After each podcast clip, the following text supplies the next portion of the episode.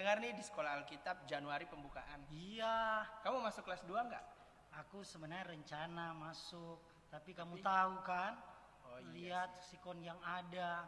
Iya Jadi masih ya, covid ya, masih tinggi juga ya, Iya, apalagi nih di benar. Jakarta. makanya nantilah.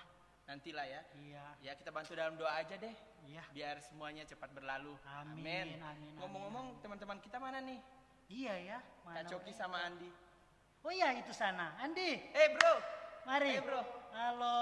apa kabar semua Oh, luar Puji biasa. Tuhan, luar biasa. Tuhan ya. Kak Cokinya mana? Nah itu Kak Coki. Kak Coki. Mari. Udah sampai. Halo. Ayo kak. Halo, apa kabar? Mari. Ah, Puji Tuhan Tuhan. ya. Kelihatan gemuk ya. Agak gemuk ya sekarang ya. Iya, puji Tuhan. Puji Kalian tadi Tuhan. lagi ngobrolin apa sih ini? Eh, eh, kita tadi lagi ngobrol-ngobrol masalah pelayanan ke depan lah. Masalah pelayanan. Iya. Nah ngomong-ngomong udah kumpul semua nih, Ah. kita akan mulai podcast kita pada malam hari ini. Namun sebelumnya kita sapa dulu dong teman-teman yang ada di Iya rumah. Oh Halo, iya. selamat Halo. malam. Sarameo. Semoga baik-baik. Sarangeo ya. ya saya yakin dan percaya teman-teman yang di rumah maupun kita di sini adalah orang-orang yang diberkati Tuhan. Iya, Amin. amin. Sehat kuat. Nah, kita akan mulaikan podcast kita pada malam hari ini Ya. di edisi yang ketiga ya kalau nggak salah ya. Ketiga. Edisi yang ketiga. Nah, sebelumnya itu kita buka dalam doa, nanti Kak Andi akan berdoa. Mari kita berdoa. Terima kasih Tuhan Yesus Thank karena you, pada malam hari ini Kau telah mengumpulkan kami di tempat ini Tuhan.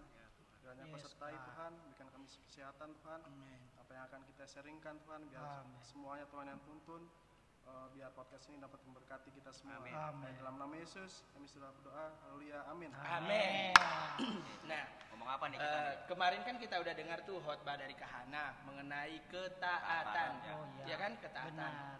Nah, kalau sebenarnya mengenai ketaatan ini kalau mau dijabarkan lebih lagi sangat luas ya artinya ya. Wah, luas Ya, Sangat sekali. luas kan. Nah, mungkin dari Kak Andi atau Kak Coki atau Stephen juga ingin ada masukan atau mau dibagi buat teman-teman yang ada di rumah malam hari ini mengenai yang sudah kita bahas kemarin, sudah kita bicarakan dan juga ini merupakan kelanjutan dari eh, podcast-podcast sebelumnya. Ya, bagaimana Kak Coki? Dari aku ya. Iya. Iya dong. Dari yang keren dulu. Paling Oh. keren dong ternyata. Boleh, boleh, boleh. Eh, Oke, eh, menurut aku eh, untuk menjadi taat itu memang eh, butuh waktu yang sebetulnya nggak nggak ini juga nggak lama apa nggak nggak sebentar. sebentar gitu. Ah. kita butuh waktu yang eh, sebulan dua bulan tapi memang eh, harus ada niat dulu gitu Niat ya. Iya, Jadi benar. niat Iya. dulu. Karena- kita. taat itu sebetulnya kan di mana pun kita berada di rumah kita harus taat sama orang tua Iya benar.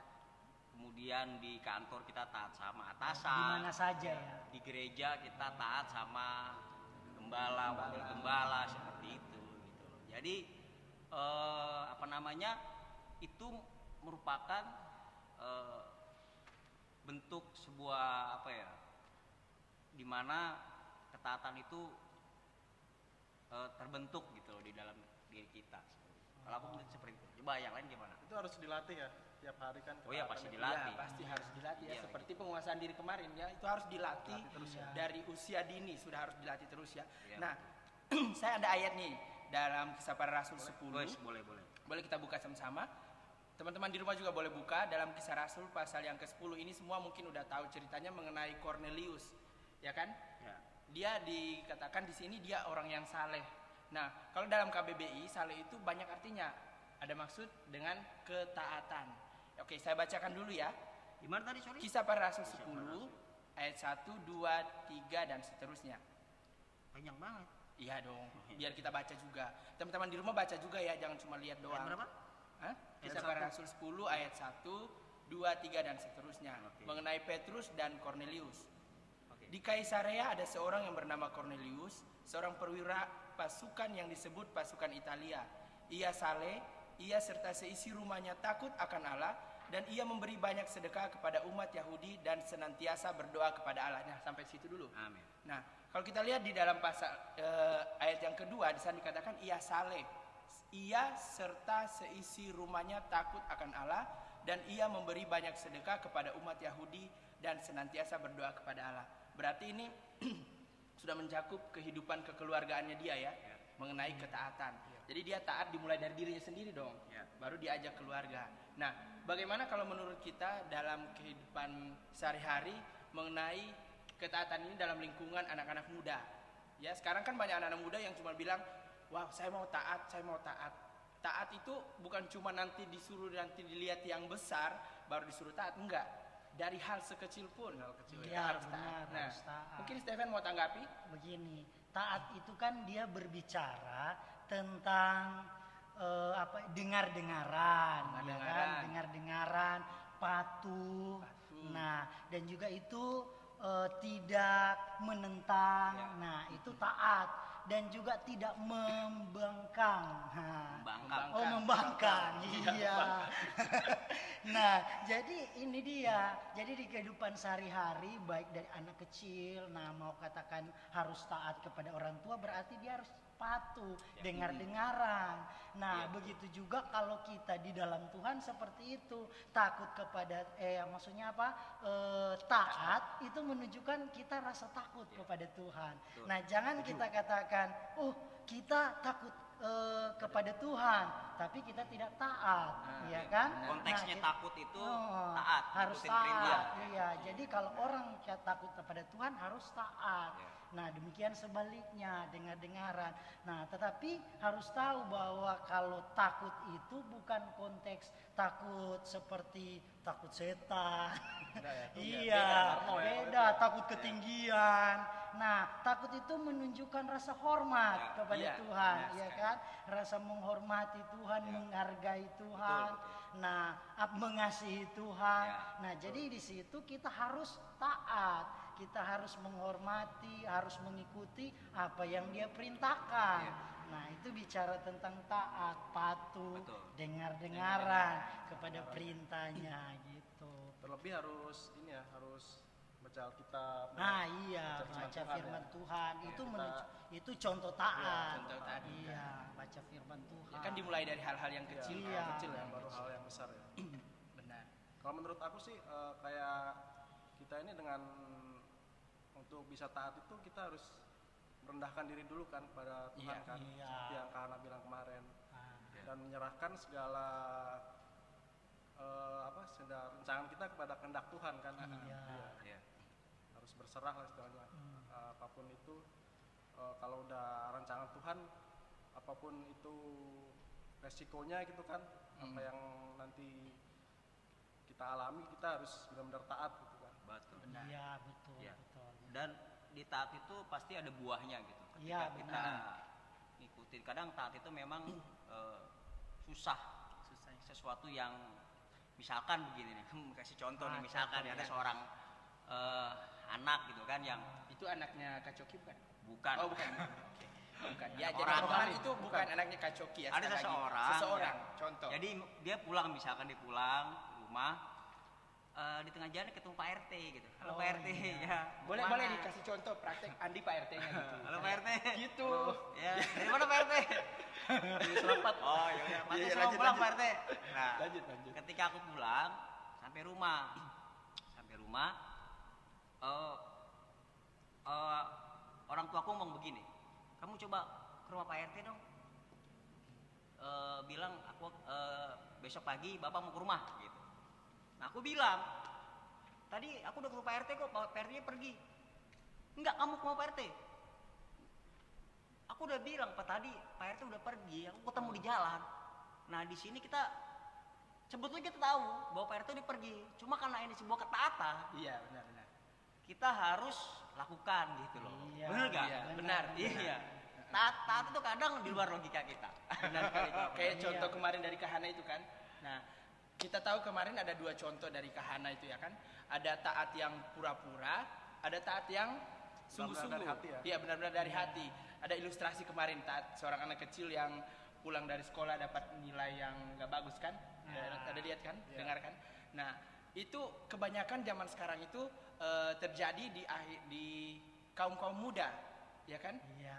Nah, seperti itu bagaimana cara kita menanggapinya sebagai kita orang-orang yang sudah kenal Tuhan, orang-orang yang sudah tahu Tuhan, orang-orang yang mungkin kita boleh dikatakan aktif dalam pelayanan, aktif mengikut Tuhan, aktif dalam kegiatan-kegiatan gerejawi. Nah, mungkin teman-teman di rumah juga ada berpikir, iya ya, kenapa ya banyak orang yang aktif dalam pelayanan, aktif dalam berbagai macam kegiatan gereja, tapi tok kelakuan mereka di luar sana tidak seperti Tidak sesuai dengan tidak sesuai dengan apa yang mereka lakukan selama ini. Nah, prinsip ketaatan inilah yang harus kita bentuk mulai hari ini buat teman-teman pemuda, buat teman-teman yang ada di luar sana, bukan cuma pemuda, remaja ya juga ya ini ada. Iya. Nah, menurut teman-teman mungkin ada yang mau sanggah Kak Epen atau Andi atau Kak Coki juga?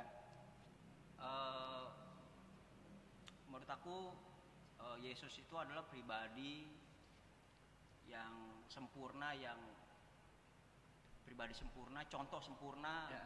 di mana Yesus sudah taat proses proses dia dihakimi dia dipukul dan segala macam sampai akhirnya Yesus harus disalib Iya, itu bukti itu ketaatan. ya bukti Nah, ketaatan yang paling sempurna contoh sempurna Jangan nangis ya Kak. jadi gitu Lanjut lanjut. Eh,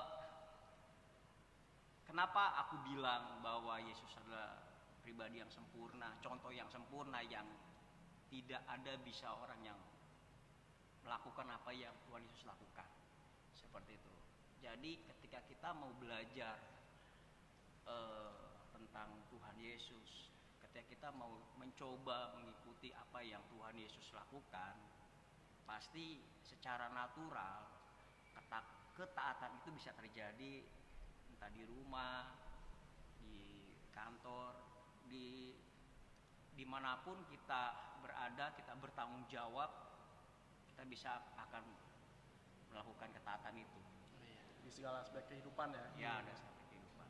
Nah, itu mengenai kalau konteks Alkitabiah, ya kan? Iya. Tentunya. Ya, Alkitabiah itu art- artinya begini. eh, apa yang kita dapat dari Alkitab. Kita belajar tentang Tuhan Yesus, itu itu menjadi apa ya? Maksudnya gini, itu udah pasti benar gitu loh ketika kita, Iya, iya. ketika kita terapkan di di luar gereja seperti itu gitu loh seharusnya apa yang kita bawa ke kantor ke rumah ke mana pun di gereja kita harus yang kita bawa itu ada adalah tentang Tuhan Yesus itu gitu tentang kehidupan Tuhan Yesus di mana dia udah taat sampai harus mati di kayu salib ini ya Tuhan Yesus ya dalam Iya. hidup kita ya. seperti itu. Itu teladan yang paling baik ya buat kita. Iya. Dia mati sampai pokoknya sampai di Sampai selesai ya. sampai Sampai selesai. selesai. Dia kan juga bilang sudah selesai gitu ya kan. Begitu juga dengan kehidupan kita kan juga kita kan masih panjang nih ya. Kehidupan kita kan masa muda kita kan gimana nanti kita bisa taat pada Tuhan sampai selesai kan sampai akhir hidup kita kan. Jangan sampai nanti di tengah jalan kita tiba-tiba kita oh, iman kita goyah. Benar. Kita udah nggak ikut Tuhan lagi, udah nggak rajin lagi. Jangan sampai kayak gitu kan. Iya. Ya, dengar tuh teman-teman dari eh, masukan dari Andi. Jangan sampai ya di tengah jalan nanti sudah taat-taat nih dari kecil dari sekolah minggu ya kita Iya, udah ikut sekolah Tuhan, taat, ikut di gereja di mana kita dibesarkan. Begitu sudah dewasa nanti sudah ada banyak tawaran-tawaran dunia, ketaatan itu hilang. Malah kita meninggalkan semuanya itu. Ya kan? Jangan sampai hal itu terjadi ya buat itu semua ya. Iya juga. ya memang ketika kita mengikuti proses taat itu pasti ada masalah-masalah Nah, yang iya. akhirnya membuat kita menjadi ada pilihan nih Pilihan. mau taat terus taat atau mau Iya, berhenti taat seperti benar. itu. Salah satu solusinya adalah ya tetap ada komunikasi sama Tuhan, tetap Iya. berinteraksi sama Tuhan yang kita sebut itu berdoa kayak gitu. Benar, benar. Tetap mendekatkan diri pada Tuhan Iya. ya. Iya. Ada keintiman dengan Tuhan. Ya, makanya- saja. Makanya aku selalu di tim protokol itu aku selalu katakan bahwa jangan pernah nggak berdoa gitu, harus berdoa terus gitu. Karena kita eh, apa ya berdoa itu bukan cuma untuk pelayanan kita tidak, tetapi buat pribadi kita sehingga kita bisa bertumbuh, nggak cuma bertumbuh tapi berbuah dan menjaga buah itu tetap. Iya, seperti itu. Kak, berbuah itu tetap kan? Betul. Tapi aku ada mau nanya nih Ya, silakan. tentang taatan kan Eh, kita kan pelayanan ibadah itu orang yang rajin ibadah rajin pelayanan tuh apakah sudah termasuk orang yang taatakan Tuhan Kalau kalau menurut saya ya, kalau dia tahu Tuhannya pasti dia taat. Kalau dia tahu siapa yang dia layani, pasti dia taat. Tapi seperti yang dibilang Kahana kemarin, ada taat yang pura-pura, ada taat yang benar-benar dari hati. Ya. Orang yang taat dari hati, dia melakukan segala sesuatu pelayanan itu tanpa memandang orang lain atau tanpa mengharapkan sesuatu. Itu dia taat, benar-benar dari bicara hati. motivasi itu Iya. ya. Ya. Kalau yang Motivasinya ke mana? Ah, benar. Kalau yang pura-pura itu eh, ada motivasi lain dia. Motivasi Ah. lain. Heeh. saya mau melayani supaya misalnya nih Mau saya gitu istilahnya. ya kita kasih contoh dari yang lain-lain lah. Iya. Misalnya nih saya mau melayani musik. Awalnya dia nggak tahu kalau di main musik itu dibayar, ya kan? Dibayar. Tapi karena kedua kali, ketiga kali dia dikasih terus uang, akhirnya motivasi pelayanannya sudah salah. Jadi ketaatan prinsip ketaatan dia itu udah berbeda. Nah, Dia melayani Tuhan karena upah, karena sesuatu yang kecil itu. Tapi kalau motivasinya memang dari awal memang gitu ya, ingin Heeh. upah, ingin uang ya. Tapi eh, ternyata setelah itu dia malah nggak Oh. termotivasi lagi dengan itu, Oh, dia iya. malah semakin taat sama Tuhan. Itu Iya. gimana? Nggak masalah ya kalau itu ya. nggak masalah karena sesuatu itu bisa berubah Ya, tergantung di mana ya. dia dia melayani Tuhan misalnya kan misalnya aku nih nggak usah kasih contoh orang lain ya kita aja ya misalnya aku nih aku mau melayani Pernah, Tuhan di sini nggak pernah dong bukan cuma cuma contoh nggak contoh, cuma contoh misalnya kan aku mau melayani Tuhan ah supaya dibayar satu dua tiga kali mungkin aku eh, prinsipku masih ada tentang uang tentang uang tentang uang jadi ketaatanku cuman fokus di upah Iya. Nah, ketika aku bergaul dengan orang di sekitar yang memang mereka real melayani Tuhan tanpa memandang upah, tanpa memandang yang lain, motivasi memang eh, mereka memang hanya untuk Tuhan. Nah, ketika saya bergaul dengan mereka, terus akhirnya terbentuklah itu. Nah, jadi semua itu bisa berubah tergantung dengan siapa kita bergaul. Ya. Ah. Ya, ke Steven bagaimana? Ya sudah pasti. Tapi aku mau tambahin loh.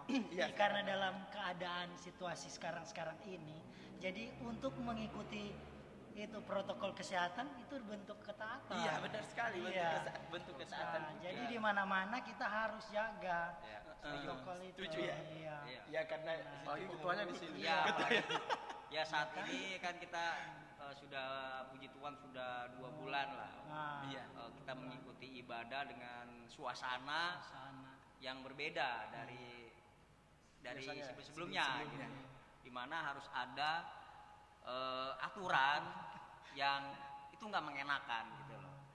Memang taat itu awalnya nggak enak karena Iya. ngikutin peraturan. Gitu. Tetapi ketika itu dijalani, keti- ketika itu dilakukan, kita baru melihat buahnya, hasilnya baik seperti itu. Karena ada pepatah mengatakan eh, taat meskipun sulit, ya kan? Iya. Nah, gitu itu prinsip yang harus kita pegang. Iya. Taat meskipun sulit, meskipun juga kita nggak tahu apa yang akan terjadi ke depannya. Iya. Yang intinya taat saja. Taat saja ya. Iya, taat tuh kalau dibolak-balik tetap taat, nggak bisa berubah, ya kan? Ya pada saat kita bawa kendaraan juga kan kita mau berangkat Nah, kerja. benar. Itu yang sering terjadi loh. Di luar sana di gereja, wow kita gini-gini, wow. Begitu di luar bawa motor, dibilang bawa helm, nggak mau pakai helm. Nah, itu- Akhirnya kena tilang. Ngambilnya susah sekarang. Ngambilnya susah lagi. Susah lagi sekarang Soalnya tuh iya. kebiasaan. Nah, itu. Gitu. Apalagi? Mungkin Nah, ada ini, lagi Kak eh, Coki? Ada pertanyaan lagi nih. Kira-kira kalau cari pasangan hidup ini harus yang taat sama Tuhan apa yang Oh. biasa-biasa aja nih? Apa yang nggak terlalu taat atau yang gimana nih? Menurut hamba Tuhan gimana? Kebetulan saya juga harus tahu, jangan ya jangan. Nah kalau menurut saya sendiri sih eh, kalau bisa kita cari yang seiman, yang taat sama Tuhan. Kalau bisa. Aku selalu begini. Ini aku berdoa pribadi loh. Pribadi aku doa itu udah memang imani. Saya katakan begini, Tuhan, terima kasih buat jodoh yang terbaik. Walaupun belum dapat, tapi udah bilang terima kasih. Sudah diimani. Nah, sudah diimani. Nah, Imani. terima kasih buat jodoh yang terbaik, jodoh yang takut akan Tuhan. Nah, Iya, yang iya. sudah dikatakan tadi, kalau dia takut akan Tuhan, pasti dia akan taat. Ya kan? Nah, jadi itu. Terima kasih aja. Pasti kita percaya bahwa Tuhan sudah Doakan dulu aja ya? Iya, doa aja. Ya, tadi kata Andi bilang bahwa kita perlu teman hidup yang taat gak itu pasti gitu Iya Eh, itu adalah salah satu kriteria yang kita mau gitu loh Iya. kriteria yang berharap dia sah bukan dengan bukan cuma seiman tapi dia juga taat seperti kita. Ketika kita bisa beribadah hari Minggu tiap pagi, kemudian dia semaunya ibadah atau jarang-jarang ibadah, dia harus ikutin kita gitu. Tetapi kita perlu eh, mengayomi, menuntun supaya suatu saat dia akan menyadari oh ternyata eh, orang yang selama ini eh, care sama saya, care sama gua itu orang yang tepat buat gua seperti itu. Asik, mantap ya ya. Nanti semua ada prosesnya ya. Pasti ada proses. Ada proses. Ada proses. Yang penting kita harus support, doakan. Betul. Udah ada yang dilihat. Udah. Ya, doa aja. Oh, baru. Kira udah ada yang dilihat. Iya, dibawa dalam doa aja ya Doa, semua segala sesuatunya ya. Ya kan? Pasti tepat. Pokoknya intinya kalau kita mau taat dimulai dari hal-hal yang kecil, bukan Iya. nanti mau dilihat yang besar, enggak. Iya. Dari hal-hal yang kecil. Ya kan? Ya. Ya betul, Nah. hal yang besar. Nah, saatnya kita akan masuk dalam kesimpulan dan saya harap Kak Andi, Kak Stephen, Kak Coki juga punya kesimpulan sendiri ya Pasti mengenai apa yang sudah kita bahas Iya, malam hari ini. Dan kalau mulai eh, menurut saya eh, kesimpulan dari apa yang sudah kita eh, bahas malam hari ini eh, mengenai ketaatan itu sendiri itu akan tercipta tergantung di mana kita berada. Ya kan? Ketaatan itu akan bertumbuh tergantung di mana kita berada. Nah, satu kata bijak dari saya buat teman-teman semua, eh, biji yang kecil dapat tumbuh menjadi pohon yang besar itu tergantung dari di mana tempat dia ditanam. Ya. Ya kan? Sama dengan kehidupan kita juga. Ya, di mana kita ada, kalau kita mau hidup taat, kita lihat orang-orang di sekitar kita, kita ikutin apa yang ada di situ. Peraturan, segala peraturan itu dibuat seperti Kak Hana bilang, peraturan dibuat itu bukan untuk Ya enggak. bukan untuk dilanggar atau dilanggar. Ayo, Bukan untuk bukan untuk dilanggar, bukan untuk dilanggar, ya kan? harus dia Nah, taati. harus dia apa? Ditaati. ditaati itu yang paling penting. Nah, jadi kesimpulan buat saya eh, dari saya malam hari ini hanya itu aja. Taat itu dimulai dari di mana kita ada saat ini, di Ya. mana kita ada dan kita harus bertumbuh menghasilkan buah yang baik, yaitu ketaatan itu sendiri karena buah dari ketaatan itu sangat sangat sangat tak terhitung lah Amin. pokoknya. Ya. Ya. Oke, selanjutnya mungkin Andi atau Kak Steven atau Kak Kalau Coki? aku eh, Andi. belajar taat itu kan belajar rendahkan diri pada Tuhan. Iya. Dari situ kita bisa tahu mana yang baik, mana yang kehendak Tuhan, mana yang bukan. Ya. Nah, Nah, untuk bisa sampai seperti itu, kita itu harus terus berkomunikasi dengan Tuhan. Berdoa, Amin. baca firman. Iya. Dan semua itu kan butuh proses. proses. Nah, untuk sampai ke situ eh, butuh waktu kan tentunya kan. Eh, belajar taat, belajar berserah kepada Tuhan. Walaupun kadang rancangan Tuhan itu tidak sesuai dengan apa yang kita mau kan. Hmm. Kadang berat kan. Tuhan kenapa sih kok sampai seperti ini kehidupan kita kan? Ya. Kenapa sih kita alami seperti ini? Ya. Seperti yang kita mau. Ya. Tapi percaya aja lah pasti kan eh, rancangan Tuhan itu pasti indah pada waktunya. Amin, amin. Pasti orang yang taat Ya. itu akan beruntung jalannya. Benar Seperti kata Hana yang bilang. Iya. Itu aja dari Itu aja, oke. Eh, bagi saya eh, bahwa ketaatan itu akan membawa kita kepada tujuan. Amin. Iya. Nah, jadi sekali lagi ketaatan itu membawa kita kepada tujuan. Saya ambil ilus- contoh ilustrasi gini. Kalau kita belajar taat kepada labu lalu, lalu lintas ya.